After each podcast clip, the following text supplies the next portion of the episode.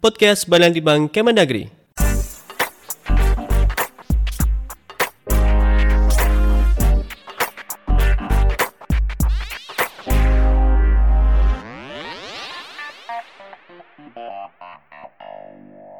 Halo Sobat Cendikia, selamat datang di Angkat Bicara, podcast Badan Litbang Kemendagri. Berbicara seputar kelitbangan dan isu-isu Kemendagri bersama saya, Mujaini. Sobat Cendikia, pada edisi kali ini kita sudah kedatangan narasumber, yakni Bapak Isman dari Pusat Litbang Inovasi Daerah Badan Penelitian dan Pengembangan Kemendagri. Beliau ini adalah salah satu orang yang cukup getol dalam mengawal inovasi di daerah.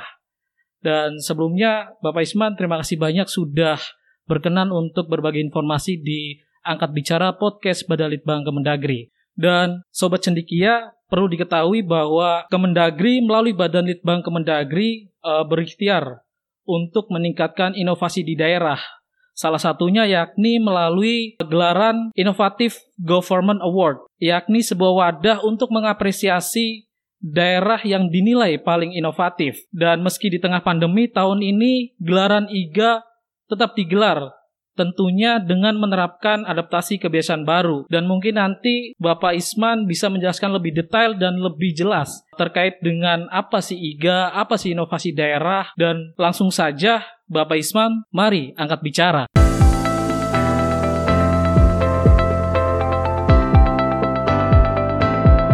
Selamat siang Pak Isman.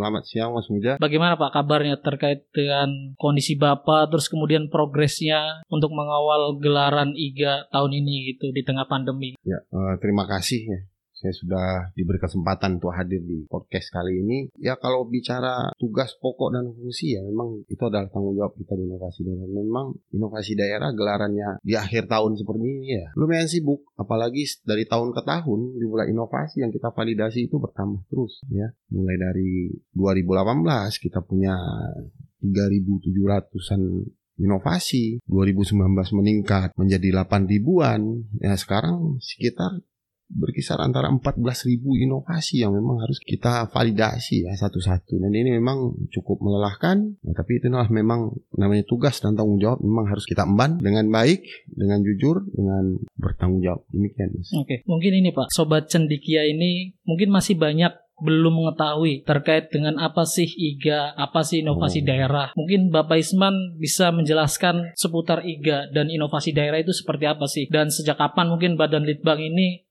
konsen mengawal inovasi ya. di daerah gitu seperti itu. Yang namanya inovasi dulu mungkin kita pernah ya kita mendengar ya terkait dengan penyelenggaraan pemerintah daerah dulu beberapa kepala daerah kita seperti Sragen dulu ya Sragen, kemudian Kabupaten Badung ya di Bali. Itu memang memiliki kepala daerah yang sangat inovatif. Namun sayangnya pada saat itu ya perangkat hukum untuk melindungi mereka anggap dulu dengan istilah diskresi ya pada saat itu. Tapi sebenarnya itu sebuah keniscayaan sudah mulai menjadi sebuah keniscayaan yang memang harus dilakukan oleh pemerintah daerah. Karena pada hakikinya Inovasi itu berhabitat atau bisa hidup itu di tengah-tengah kinerja yang buruk, keterbatasan daya dukung, keterbatasan sarana prasarana itu memang membuat daerah memang harus melakukan inovasi ya, untuk percepatan penyelenggaraan urusannya untuk percepatan terwujudnya kesejahteraan masyarakat yang didukung oleh daya saing yang hebat.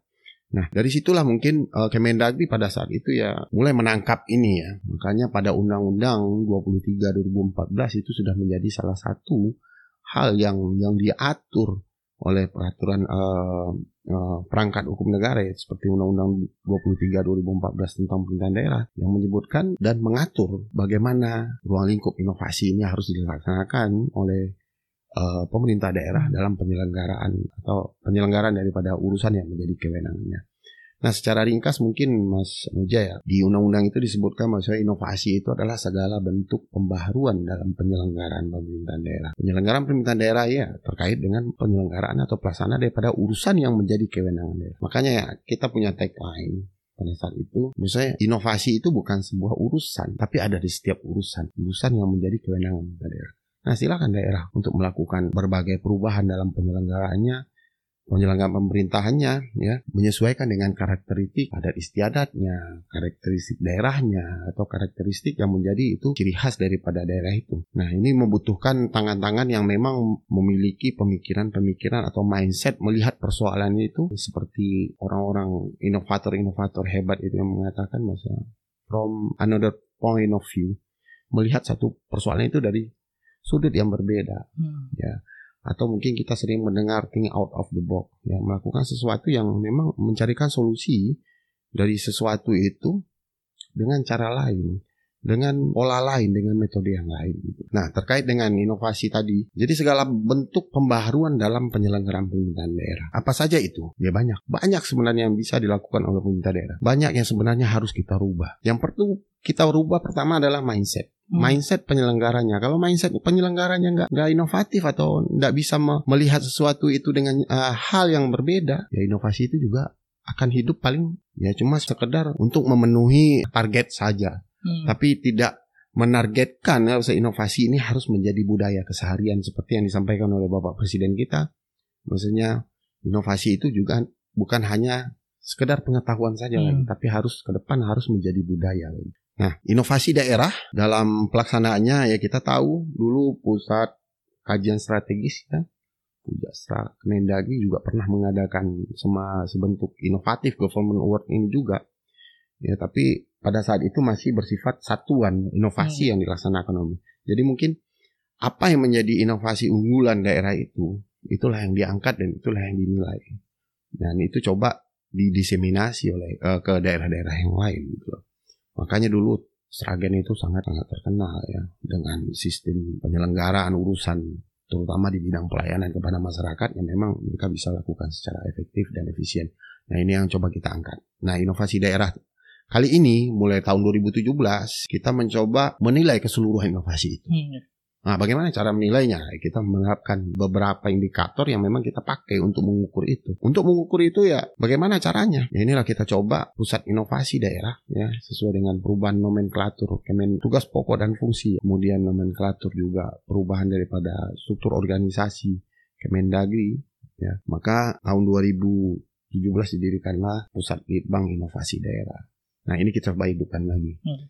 IGA yang yang yang yang terhenti tahun 2014 2017 kita hidupkan lagi tapi dengan pola dan bentuk yang berbeda demikian mas Jadi ada pembaruan-pembaruan Iya. dan itu menjadi cikal bakal IGA di tahun-tahun berikutnya ya, Pak. ya ya kita mencoba melakukan ya membina ya eh, menyebarluaskan mentransfer ya pengetahuan soal inovasi ini ya Hmm. melalui cara-cara yang inovatif nah, tahun ini mas Muja eh, kita sudah tahu kita mempunyai indeks inovasi daerah Hmm. dengan 35 indikator pengukur ya mulai dari menggunakan dua aspek dan 35 indikator di dalamnya yang itu mengukur inovasi itu mulai dari ya legalisasinya Hmm. ya mulai dari penerapannya kemudian sampai kepada dampak yang ditimbulkannya dan merujuk kepada indikator yang lain yang menunjukkan adanya peningkatan ya Hmm. baik itu dari indeks pembangunan manusianya, income per kapitanya, pendapatan asli daerahnya itu pasti akan berpengaruh ya dari uh, merupakan hal yang meningkat ketika inovasi itu betul-betul berdampak dan bisa diterapkan. Jadi artinya Badan Litbang Kemendagri ini punya instrumen instrumen atau alat ukur bagaimana daerah itu bisa dikatakan inovasi dan tidak inovasi gitu ya, Ya. Pak. Melalui tadi indeks inovasi Indeks daerah inovasi. seperti itu ya, Pak. Ya. Dan itu kan menjadi gerbang awal bagaimana Badan Litbang Kemendagri bisa menilai dari data indeks inovasi daerah ini ya Pak. Mungkin Bapak bisa jelaskan Pak terkait dengan bagaimana sih tahapan-tahapan dalam Badan Litbang Kemendagri melakukan penilaian Pak dari uh, penjaringan inovasi di daerah, kemudian kalau tidak salah ada juga pres- uh, presentasi kepala daerah.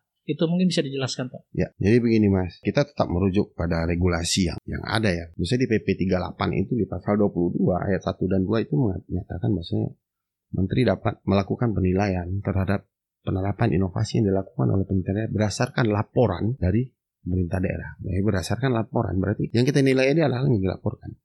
Hal yang tidak dilaporkan misalnya hal yang tidak diinput di dalam indeks itu tidak bisa kita nilai ya. Hmm. Itu yang pertama, itu dia pertama. Yang kedua, penilaian itu dilakukan dengan maksud adalah untuk memberikan penghargaan atau insentif kepada daerah yang dinilai inovatif. Nah, itulah makanya uh, kita atur lebih lanjut di Permendagri Peraturan Menteri Dalam Negeri nomor 108 yang menyatakan itu teknis bagaimana teknis itu melakukan nilai. Nah terkait dengan tahapan. Terkait dengan tahapan, yang pertama itu yang pasti adalah penjaringan. Penjaringan ini berupa penginputan. Okay. Penginputan inovasi-inovasi yang dilakukan yang sudah diterapkan oleh pemerintah daerah. Nah, indeks ini kan multifungsi nih, Mas, hmm. ya.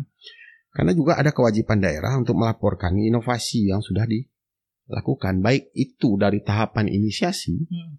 maupun yang sedang dalam uji coba maupun yang sudah berhasil dan dianggap bisa diterapkan gitu. Nah, yang kita nilai dalam indeks ini, ya, yang sudah diterapkan, yang sudah berdampak. Tapi tetap kewajiban pemerintah daerah melaporkan mulai dari tahapan inisiasi sampai uji cobanya. Nah, terkait dengan tahapan, kembali lagi ya, penjaringan. Penjaringan berupa penginputan. Yang kedua, pengukuran. Pengukuran itu dilakukan dengan menganalisa semua indikator-indikator dan semua juga yang menjadi bukti daripada indikator evident daripada setiap indikator itu yang memang harus diikut sertakan di dalam pelaporan tersebut. Nah, ini yang ini yang ini yang saya pikir uh, suatu hal yang yang yang baru yang harus yang kita lakukan. Jadi kita nggak melakukan lagi penilaian atau hmm. pengukuran secara manual. Dari setiap indikator itu dia meminta evidence. Nah itu yang kita analisa kesesuaian evidence-nya, hmm. kemudian kesesuaian uh, ruang atau parameternya itu kita validasi, kita analisa data yang diinput itu. Nah itu harus satu-satu. Nah dari itu keluarlah namanya indeks inovasi daerah hmm. yang sudah memiliki nilai ya yang sudah terukur yang sudah melalui hasil validasi, lalu sistem akan melakukan perankingan sendiri. Ya. Secara sistematis dia akan melakukan perankingan sendiri. Hmm. Untuk IGA kita menambahkan beberapa tahapan. Ya. Jadi nilai indeks inovasi daerah yang sudah ada itu kita jadikan nilai dasar untuk menetapkan satu daerah itu menjadi nominator penerima IGA. Contoh provinsi dengan ranking 1 sampai tujuh ya tahun ini ya, ya kita panggil untuk tahapan berikutnya. Tahapan berikutnya adalah presentasi kepala daerah. Hmm. Nah di presentasi kepala daerah ini, kepala daerah akan memaparkan terkait bagaimana dia melakukan inovasi itu, ya. Kemudian bagaimana sustainable-nya inovasi itu ke depan. Kemudian uh, penguasaan ya kepala daerah itu terhadap inovasinya. Kita mengukur bagaimana personal seorang kepala daerah ya sehingga dia bisa melakukan hal-hal inovasi dalam dalam penyelenggaraan pemerintahannya. Nah, tahapan itulah yang kita lakukan. Dan terakhir biasanya kita seperti tahun lalu kita melakukan validasi lapangan.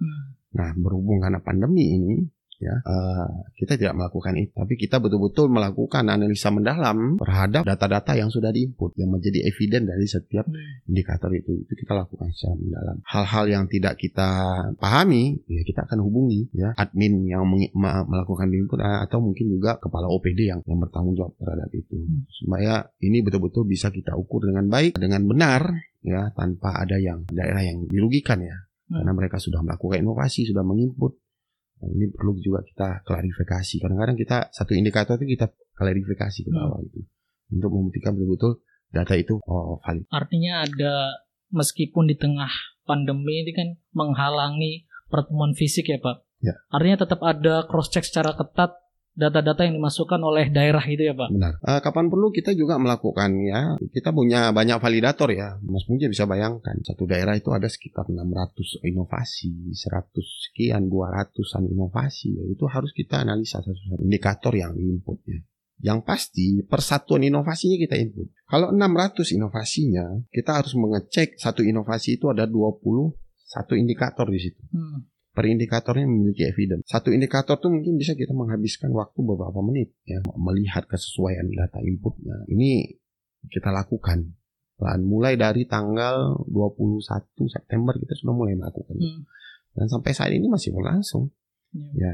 Dan mudah-mudahan besok ya kita sudah masuk ke tahapan sidang tim penilai. Artinya validasi sudah mulai berakhir nih hari hmm. ini ya. Semua daerah sudah sudah sudah kita validasi ya, terutama daerah-daerah yang menjadi nominator penerima inovatif Government Award.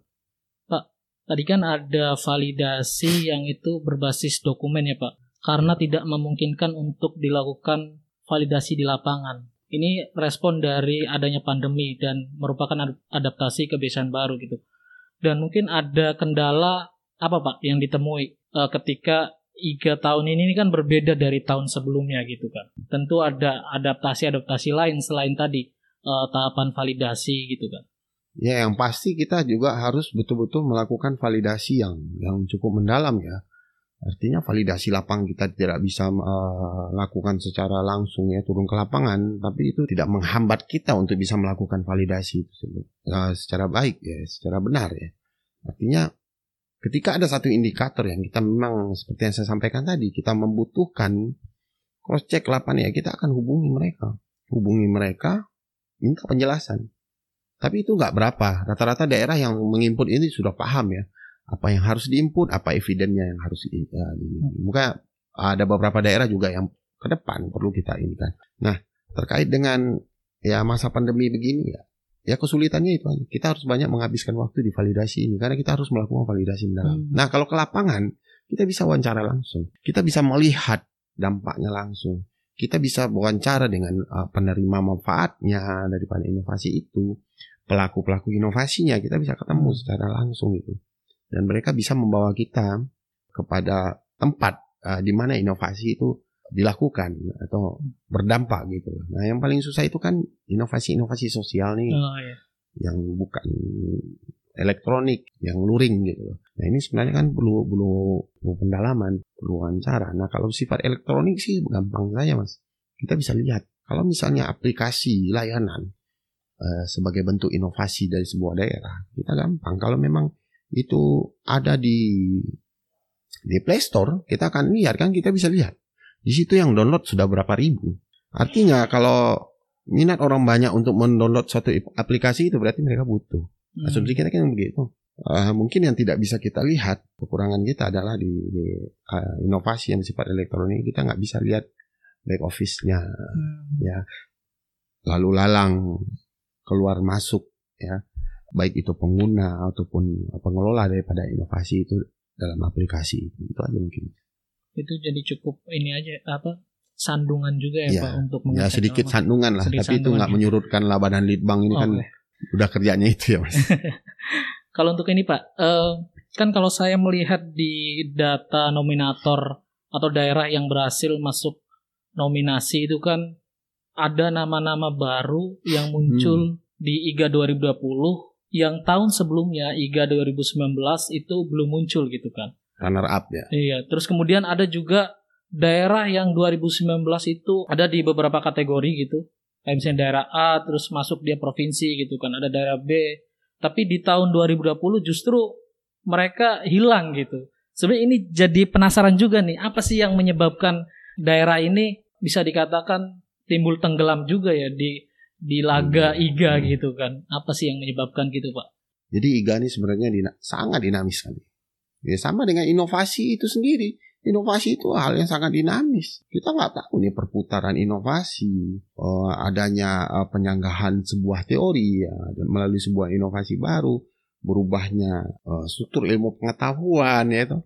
Itu karena adanya inovasi. Demikian juga inovasi daerah ini juga tahun depan itu sebenarnya tahun ini kita sudah mulai ya daerah kapan saja menginput boleh hmm. menginput inovasinya jadi tahun depan itu kita berkemungkinan kita tidak akan memberikan waktu memulai input lagi enggak karena indeks ini open daily besok. Jadi kapan saja inovasi itu mulai diterapkan bisa langsung diinput ya. langsung. Dan kita akan mengukur sesuai dengan waktu yang nanti kita tentukan. Contoh misalnya tahun depan kita akan tutup misalnya 31 Agustus ya kita tutup 31 Agustus. Nah, tapi inputnya setiap, uh, setiap hari. Ya. Nah, terkait fenomena tadi, saya bilang itu sebuah fenomena ya, fenomena di dalam indeks itu bukan terjadi 2019 2020 aja atau 2018 2000 dari 2017 itu sudah kelihatan ya.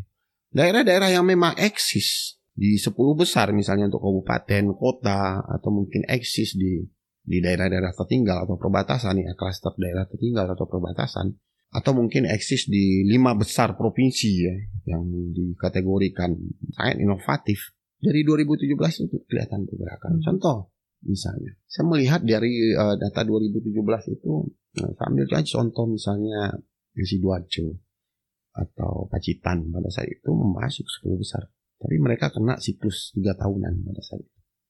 Nah, inovasi yang kita nilai ini sebenarnya adalah umur minimalnya adalah dua tahun anggaran bukan dua tahun kalender gitu. hmm. tahun anggaran atau yang sudah berdampak itu sudah bisa eh, dilaporkan karena sudah eh, diterapkan gitu. Nah itu sudah bisa kita ukur. Nah umur maksimal inovasi tadi itu tiga tahun. Makanya tahun 2020 ini ya yang kita ukur adalah inovasi yang diterapkan mulai dari tahun 2017 sampai dengan 2019. Yang 2016 bagaimana Pak? Enggak.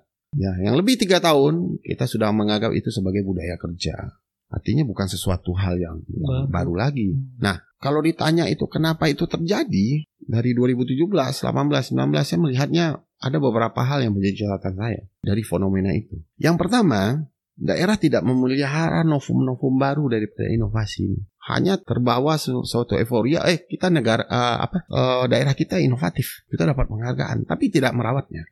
Stuck gitu ya, ya stuck. Pak. Nah, mereka hanya berpikir inovasi yang sudah dilakukan, hmm.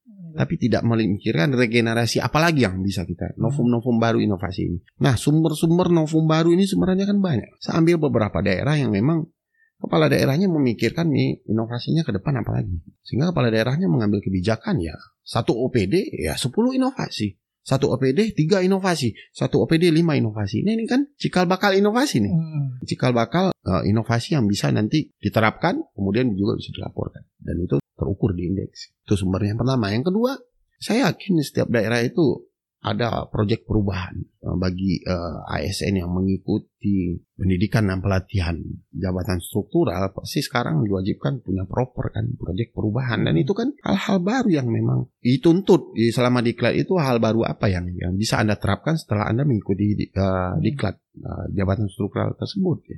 Nah ini banyak kan yang tidak dimanfaatkan. Begitu pulang diklat, ya udah laporannya ditaruh di BPSDM atau ditaruh di rumah itu nggak dipakai lagi. Padahal kalau menurut saya ini proper itu memang sudah sudah diuji dan dinyatakan lulus gitu. Yeah. Uh, sudah diperbaiki sebagaimana mestinya kan banyak juga nanti pengujinya. Dan yang membuat proper itu paling tahu apa yang harus dilakukan, inovasi apa yang dilakukan di lingkup unit kerjanya. Ini sebagai sumber novum baru sebenarnya. Hmm. Seharusnya pemerintah daerah saya mungkin dalam kesempatan ini menghimbau proper-proper itu kita kumpulkan lagi. Kapan perlu litbang panggil yang bikin proper itu, hmm.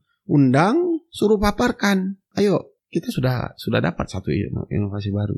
Apa perlu kita lakukan perubahan atau pengurangan di sana sini ya? Ya terkait dengan karakteristik atau mungkin kebutuhan atau mungkin kemampuan daripada keuangan daerah. Nah ini harus harus dilakukan sebenarnya oleh daerah. Nah novum baru ini sebenarnya sudah cukup. Ditambah lagi memang inovasi ini tidak akan ada ber, berarti apa-apa tanpa support from the top, nah, dukungan daripada hmm. pimpinan. Nah, itu melalui kebijakan tadi. Nah, kemudian fenomena ini, Mas, saya melihatnya inovasi. Saya mau ngambil tagline nih, saya mau, mau menyampaikan kita perlu merawat inovasi ini. Tanpa kita rawat, inovasi hmm. ini juga akan ya istilah kalau kita bilang bulukan lah, ya kan? Dibikin aplikasi tapi tidak pernah di, di upgrade versinya. Nah, dibikin aplikasi tapi tidak pernah di dirawat ya lama-lama aplikasi ini uh, maaf nih kalau masyarakat bilang semakin lola pak semakin loadingnya terlalu lama karena mungkin tidak pernah dirawat bugsnya tidak pernah dibersihkan atau bagaimana kan nah ini menyebabkan inovasi ini semakin menurun okay. tingkat pemakaiannya karena memang barang ini harus dirawat maka saya bilang ah, tahun ini kita mengkampanyekan bagaimana kita merawat inovasi yang ada. Nah, inovasi yang ada ini contoh aplikasi. Kita harus melakukan update dan upgrade. Apakah itu update terhadap perkembangan kah? Ternyata menu yang kita buat tahun lalu itu sekarang terlalu sedikit dimanfaatkan oleh masyarakat. Hmm. Makanya penting suatu survei kepuasan dalam sebuah aplikasi itu. Jadi itu menjadi dasar kita untuk bagaimana memperbaiki aplikasi itu sesuai dengan kebutuhan dan mengupgrade. Upgrade itu mungkin sistemnya uh, istilahnya secara teknis ya. Kita harus mengupgrade. Contoh misalnya ya kita lihat aja kita punya handphone. Android juga akan melakukan upgrade versi dari versi 1, versi 2 atau versi 2 poin berapa, poin berapa. Itu terkait dengan perubahan yang terjadi di, hmm. di dalamnya bukan hanya pembersihan sampah-sampah internet atau box saja, tapi juga mungkin ada penambahan menu. Dan penambahan menu ini kan merupakan perubahan sebagian atau keseluruhan. Artinya dulu menu uh, cuma dokter sampai ke rumah, ya sekarang dokternya bisa di tracking perjalanannya dari puskesmas sampai ke rumah yang mem membutuhkan uh, layanan dokter misalnya atau layanan di rumah misalnya. Nah ini yang harus ditingkatkan sehingga dampak inovasi itu betul-betul bisa bertambah, bertambah, bertambah, bertambah dan masyarakat semakin merasakan, apa, manfaat, merasakan manfaatnya, manfaatnya gitu. gitu ya pak. Ya. Kalau tadi Bapak menyebutkan beragam faktor mengapa daerah ini bisa timbul tenggelam, timbul tenggelam di apa di IGA gitu kan. Mungkin ikhtiar dari Pusat Litbang Inovasi atau Badan Litbang Kemendagri untuk merespon fenomena semacam itu apa Pak? Untuk tadi uh, mungkin memandu daerah, mengingatkan ya. daerah untuk bisa tadi merawat hmm. dan menangkal uh, sandungan-sandungan tadi gitu Pak. Supaya nggak timbul tenggelam ya. Supaya, Supaya tidak timbul tenggelam. Sebagai daerah yang sangat inovatif ya. Betul itu Pak. Nah, dari sebenarnya dari indeks ini kita tahu satu daerah itu kurangnya di mana terkait dengan inovasinya. Makanya indeks inovasi itu juga bisa menghasilkan sebuah peta pembinaan. Uh, misal daerah A dengan daerah B itu memiliki karakteristik yang berbeda terkait dengan pelaksanaan inovasinya. Daerah A kurangnya di sini, daerah B kurangnya di aspek ini misalnya itu kita mendapat vitamin. Nah kita juga melihat treatment-treatment khusus apa yang bisa kita lakukan. Jadi tiap daerah itu beda treatment berdasarkan hmm. dari peta pembinaan tadi gitu. Nah khusus daerah mungkin yang belum menginput ya kita sampaikan tata cara penginputannya. Dan ini memang jangkauan kita dengan keterbatasan kita juga belum semua daerah yang bisa kita lakukan. Cuma beberapa daerah yang memang berinisiatif ya untuk uh, dengan Kementerian Dalam Negeri khususnya Pusat Libang ya kita mengadakan acara seperti sosialisasi hmm. atau peningkatan uh, kemampuan teknis daripada pengelola atau operatornya atau mungkin juga kepala OPD-nya ya kita siapkan di Litbang Inovasi ini siap semuanya timnya baik itu kebijakan baik itu teknis penginputan indeks apalagi nanti Mas Media tahu juga kita punya Puja Indah gitu ini kita libatkan semua. Nah, ke depan kita memang memperkuat di lini mensosialisasikan lagi ya, lebih lebih dalam lagi terkait dengan PP 38, Permendagri 104. Yang kedua, ah, kita ke depan memilih yang bagaimana merawat inovasi. Kasihan nih daerah sudah dibuat inovasi, tapi sudah uzur ya hmm. lebih daripada tiga tahun tidak pernah kita coba uh, mengkampanyekan besok bagaimana cara merawat inovasi dan kemudian seperti yang saya sampaikan tadi bagaimana sih daerah bisa mendapatkan novum-novum baru? Termasuk juga beberapa daerah sudah melakukan contoh misalnya jambore inovasi hmm. atau lomba inovasi di tingkat masyarakat atau tingkat komunitas kreatif misalnya di daerah. Itu sudah dilakukan. Dan itu sebenarnya adalah untuk menjaring apa sih pemerintah, uh, pemerintah bisa melakukan apa sih? Uh, maunya masyarakat itu bagaimana sih? Ya melalui komunitas-komunitas kreatif inilah mereka kumpul dan itu dilombakan. Dan ini yang kita harapkan daerah juga memotivasi elemen-elemen masyarakat kelompok-kelompok kreatif ini juga agar tetap terus berinovasi hmm. karena tagline-nya kalau saya sih di pusat inovasi selalu bilang kalau anda tidak berinovasi anda mati Nah itu sudah banyak. Inovasi adalah kunci. Perusahaan gitu ya. besar banyak yang yang yang tumbang karena apa? Karena hmm. tidak kuat bersaing. Termasuk juga momen pilkada sekarang misalnya hmm. mas ya. Kalau saya melang, menangkap trennya adalah eh, masyarakat itu pemilih itu akan memilih kepala daerah itu dengan satu catatan perubahan apa yang yang bapak bawa nanti kepada kami. Karena semakin hari masyarakat ini semakin sadar hak dan kewajibannya. Ini suatu hal yang bagus untuk apalagi hmm. sekarang memang inovasi itu sudah menjadi prioritas nasional yang memang harus sama-sama kita galakkan, kita sebarluaskan dan menjadi budaya gitu.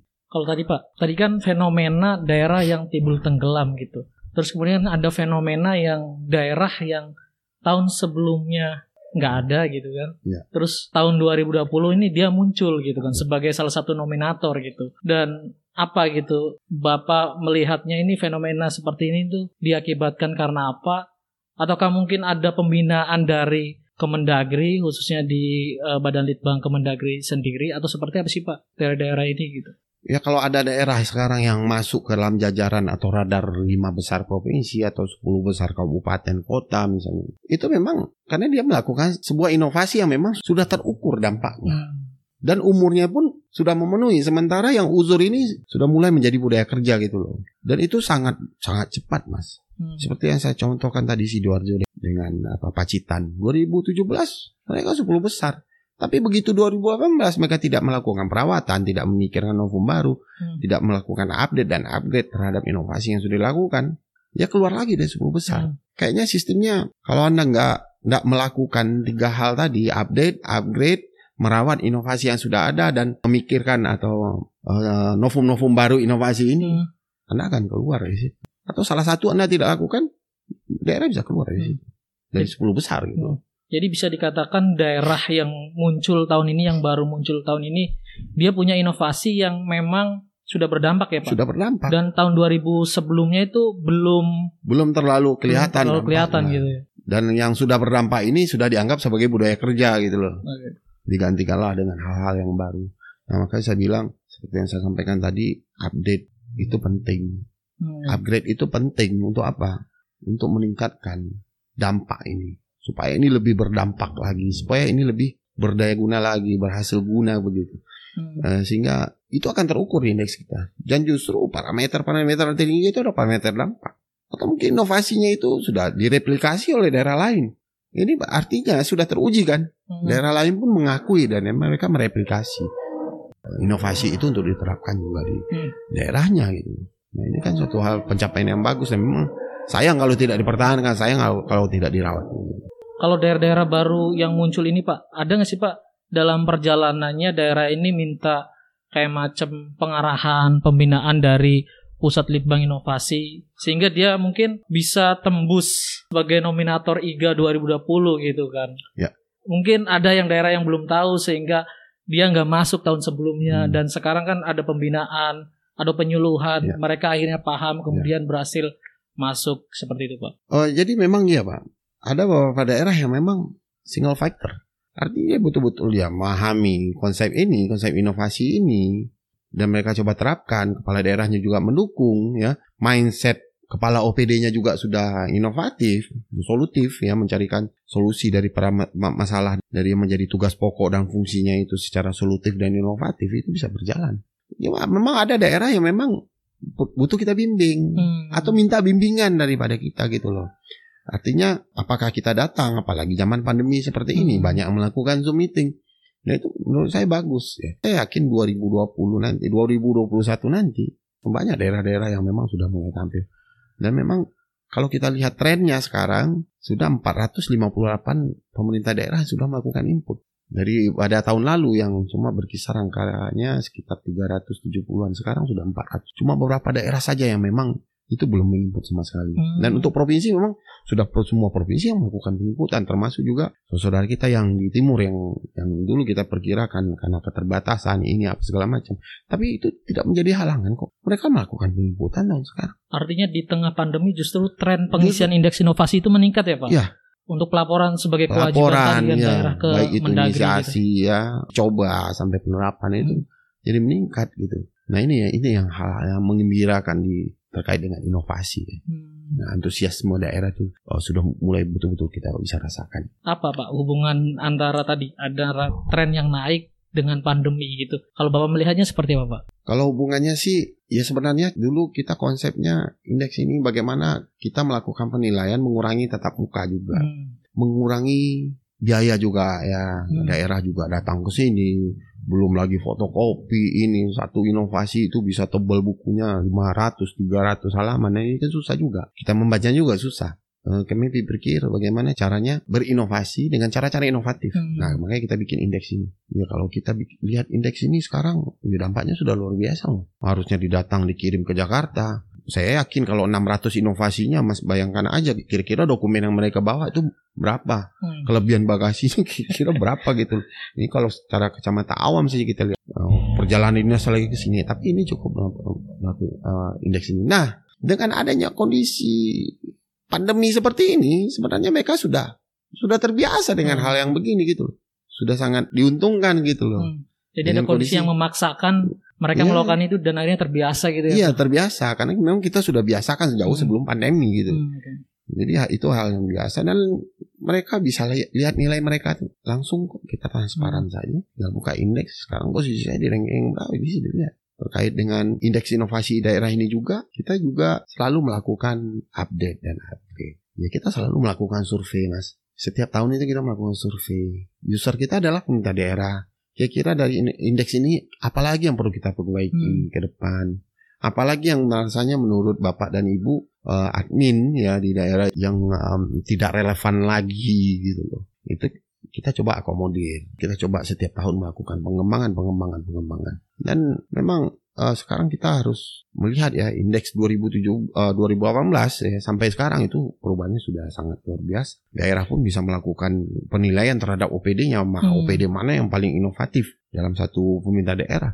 Itu bisa dilihat dari data inputnya. Dan ini juga memudahkan dari Badan Litbang untuk melakukan input. Inputan dilakukan oleh OPD masing-masing. Di Litbang cuma hanya verifikasi saja, mengapprove daripada inovasi-inovasi yang yang sudah dilakukan oleh PD itu. Nah ini cara-cara begini sebenarnya sudah lama, jauh sebelum pandemi kita sudah ya sudah melakukan ini gitu Oke. loh. Dan bertepatan dengan pandemi ini ya kita itu jadi hal yang biasa saja. Tinggal jalan ya Pak. Tinggal jalan aja, pada jalannya gitu. Kalau untuk ini Pak, untuk ini kan IGA 2020 nih digelar eh, di tengah pandemi ya Pak. Mungkin kasih bocoran Pak adaptasi kebiasaan baru yang mungkin nanti kalau kemarin kan tahun kemarin kan saya sempat ke acaranya gitu kan di tatap muka langsung dan untuk tahun ini seperti apa gitu Pak? Ya kalau misalnya untuk eh, adaptasi barunya nggak usah diminta bocorin pak. Oh. Itu memang. Emang gini. Tapi kalau mungkin untuk hasilnya ya itu memang eh, besok di sidang tim penilai ya Hmm. Eh, kita akan lihat nanti bagaimana posisinya, rankingnya daerah mana saja. Nah terkait dengan bagaimana pelaksanaan IGA tahun 2020 ini ya kita tetap mendukung pemerintah. Eh, artinya kita sama-sama menjaga apa yang menjadi kebijakan daripada apa eh, eh, pimpinan kita terkait dengan pelaksanaan eh, inovatif government award tahun 2020 ini kita mungkin besar akan melakukan secara virtual tidak berkerumun tidak mengumpulkan orang banyak eh, tapi tidak mengurangi daripada eh, makna acara itu sendiri Nah, kita mengetahui sekarang ya pemerintah menghimbau untuk memutus mata rantai covid ini Hmm. supaya tidak berkerumun menjaga jarak apa segala macam. itu kita berangkat dari konsep uh, prokes itu atau protokol kesehatan itu hingga 2020 ini kita akan lakukan secara virtual tapi tetap juga kita menunggu petunjuk daripada uh, dan arahan daripada pimpinan nantinya bagaimana teknis pelaksanaannya. Terkait dengan waktunya apakah udah ada atau kita kita rencanakan ini kembali kepada pimpinan kita ya. Kita rencanakan pada tanggal 18 Desember nanti eh, acara IGA ini akan kita gelar. Dan memang itu dengan suasana yang berbeda ya. Hmm. suasana yang berbeda. Kalau dulu bisa kita kumpul ya. Semua bisa datang bisa berbahagia bersuka cita ya untuk eh, merayakan eh, daerahnya di, di- terpilih sebagai daerah inovatif mungkin sekarang kita lakukan secara virtual eh, ke seluruh Indonesia. Dan pada tahun ini juga daerah yang tidak menginput indeks inovasi daerah mungkin kita juga akan menyurati. Oh, juga juga juga mungkin akan mengikuti ya pada ini semua ya. Meskipun tidak menginput ya Pak. tidak menginput ya, nanti juga kita akan berikan semacam bukan teguran sih tapi eh, semacam surat lah kira-kira nanti masalahnya apa sih sampai tidak diinput atau memang Hmm. inovasinya nggak ada kalau inovasinya ada kita jelas Hmm. treatment apa yang akan kita uh, lakukan ke daerah tersebut. Dan kita memang syukur ya dari pembinaan-pembinaan yang kita lakukan mulai dari skop provinsi, provinsi menghadirkan kabupaten kota itu sekarang sudah mulai uh, berdampak besar menurut saya. Sudah marak gitu. Pak. Sudah marak begitu. Baik Pak, Eh, mungkin ini Pak eh, harapan Bapak nih terkait dengan gelaran IGA 2020, kemudian imbauan kepada daerah. Tadi kan ada yang menginput, ada yang mungkin bahkan ada juga kan pas validasi itu ternyata data yang dimasukkan keliru juga Pak. Oh, iya. Mungkin apa Pak imbauan eh, kepada daerah gitu? Harapan Mungkin, hmm. IGA 2020 kemudian eh, imbauan kepada daerah gitu. IGA 2020 ini IGA yang spesial lain daripada tahun yang sebelumnya. Dan memang ini daerah sudah semakin ketat ya. Persaingannya sudah mulai kita aja yang yang mau validasi itu ta- udah terasa ketat. Nah kita berharap IGA 2020 dengan dengan format protokol kesehatan ini ya tidak mengurangi daripada eh, makna daripada IGA ini sendiri. Ya kita tetap berharap seperti itu. Dan daerah tetap bersemangat untuk melakukan inovasi justru sekarang masalah kita adalah pandemi di mana-mana. Banyak program kegiatan yang tidak eh, tidak eh, terhambat berjalannya ya. Kita butuh eh, solusi-solusi yang inovatif itu loh. Bagaimana pelaksanaan daripada eh, tugas pokok dan fungsi penyelenggaraan daripada urusan ini bisa tetap berjalan di tengah pandemi ini. Kita memang membutuhkan hal-hal baru dalam dalam pelaksanaan itu.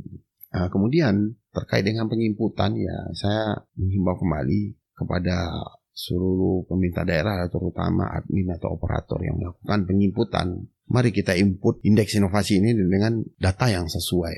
Nah, pengalaman kita selama validasi ini banyak ya. Contoh misalnya suatu inovasi kita minta dasar hukum Hmm. penerapan inovasinya. Mereka kirimkan uh, perda, tapi perdanya ya bentuknya foto PDF, tapi kulitnya saja kita nggak bisa buka gitu loh. Artinya kita minta dokumen PDF. Misalnya itu perda ya kirimkan PDF-nya, kirimkan PDF-nya saja. Dan kemudian kalau ada misalnya indikator yang mem- meminta di situ ada foto misalnya, foto sosialisasi inovasi daerah, kirimlah foto. Foto itu jangan dipakai lagi untuk eviden di inovasi lainnya gitu Oh. loh. Ya, fotonya pasti yang berspanduk. Marilah kita coba agak lebih jujur lah untuk melakukan inovasi ini. Kalau betul-betul inovasi ini betul-betul kita lakukan pasti akan berdampak. Ya Hmm. ini yang perlu kita Hmm. Perbaiki ke depan. Kemudian juga ada indikator yang meminta foto, eh, video misalnya untuk kualitas inovasi daerah. Misalnya kita lihat dari video, dan video itu secara substansi harus menjelaskan apa saja. Ya, Hmm. tolong kita juga penuhi itu. Gitu. Karena banyak video juga yang yang tidak substantif, yang seperti yang kita minta. Ya mohon maaf ya, kita kick. Ya Hmm. kita tidak terima eviden itu. gitu. Kalau bagus video yang diinput, artinya juga kita menginformasikan ke daerah lain juga lebih bagus. Karena video yang diinput itu langsung masuk ke Tux Education Shadow Vision. tutorial exhibition display of innovation. Yang akan di- ditonton oleh negara lain dan bu- bukan Indonesia saja loh. Hmm. Edu kita ini sudah banyak ditonton oleh negara-negara lain seperti di Afrika di Asia Tengah di Kanada Rusia Amerika. Ini berdasarkan ya Google Analytics yang yang analitik yang kita lakukan gitu loh. Ternyata yang melihat Tux Innovation itu juga orang luar gitu loh nah ini ini ini suatu hal yang yang cukup mengejutkan saya juga Artinya itu nggak hanya konsumsi iya eh, dalam negeri ya Pak. Iya, tapi juga Jadi- mungkin ditiru juga oleh. Jadi Orang lain. pengemasannya mungkin di, disarankan untuk sebagus mungkin. Iya, Atau mungkin ada bahasa translate bahasa asingnya mungkin di bawah mungkin iya untuk yang menjelaskan pasti gitu. saya sampaikan video itu kalau bisa pertama memuat latar belakang kenapa inovasi itu harus ada. gitu. Kenapa ini terjadi? Masalahnya apa? Yang kedua, penjaringan idenya. Idenya apa saja? Yang ketiga, kan dari ide yang dijaring itu kan satu yang dipilih. Kenapa ide ini dipilih? Yang keempat itu manfaat daripada inovasi itu. Yang kelima itu yang terakhir adalah sudah seberapa besar dampak inovasi Hmm. yang dilakukan itu. Itu yang dibutuhkan sebenarnya.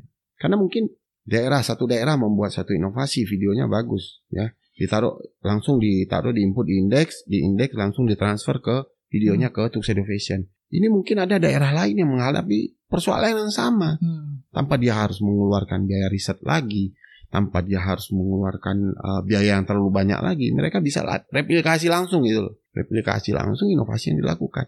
Dan ini kan sangat efektif.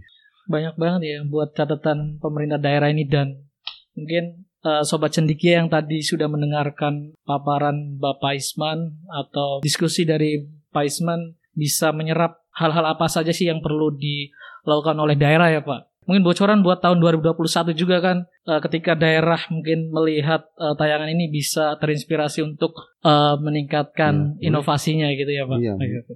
ada beberapa hal sih mas kalau saya boleh kasih ke depan itu tuh inovasi yang ada ini ya kembali saya sampaikan Hmm. tadi rawat lagi gitu Hmm. update upgrade update sesuai kebutuhan masyarakat upgrade secara teknis Nah, kalau inovasi itu bentuknya elektronik ya kalau misalnya inovasi bentuk sosial ya perluas Hmm. daerahnya perluas programnya perluas mungkin bidangnya nah itu yang kedua mulai lakukan pembibitan baru nih, itu inovasi-inovasi yang ada ini.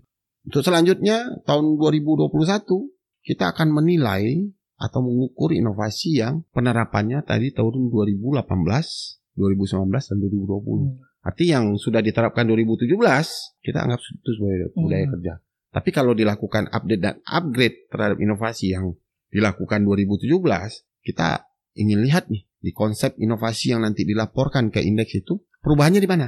Ya, rancang bangun perubahannya itu di mana? Kita mau lihat. Ini aplikasi yang memang di renew ya, diperbarui dengan perubahan penambahan menu ini ini ini ini Hmm. segala macam.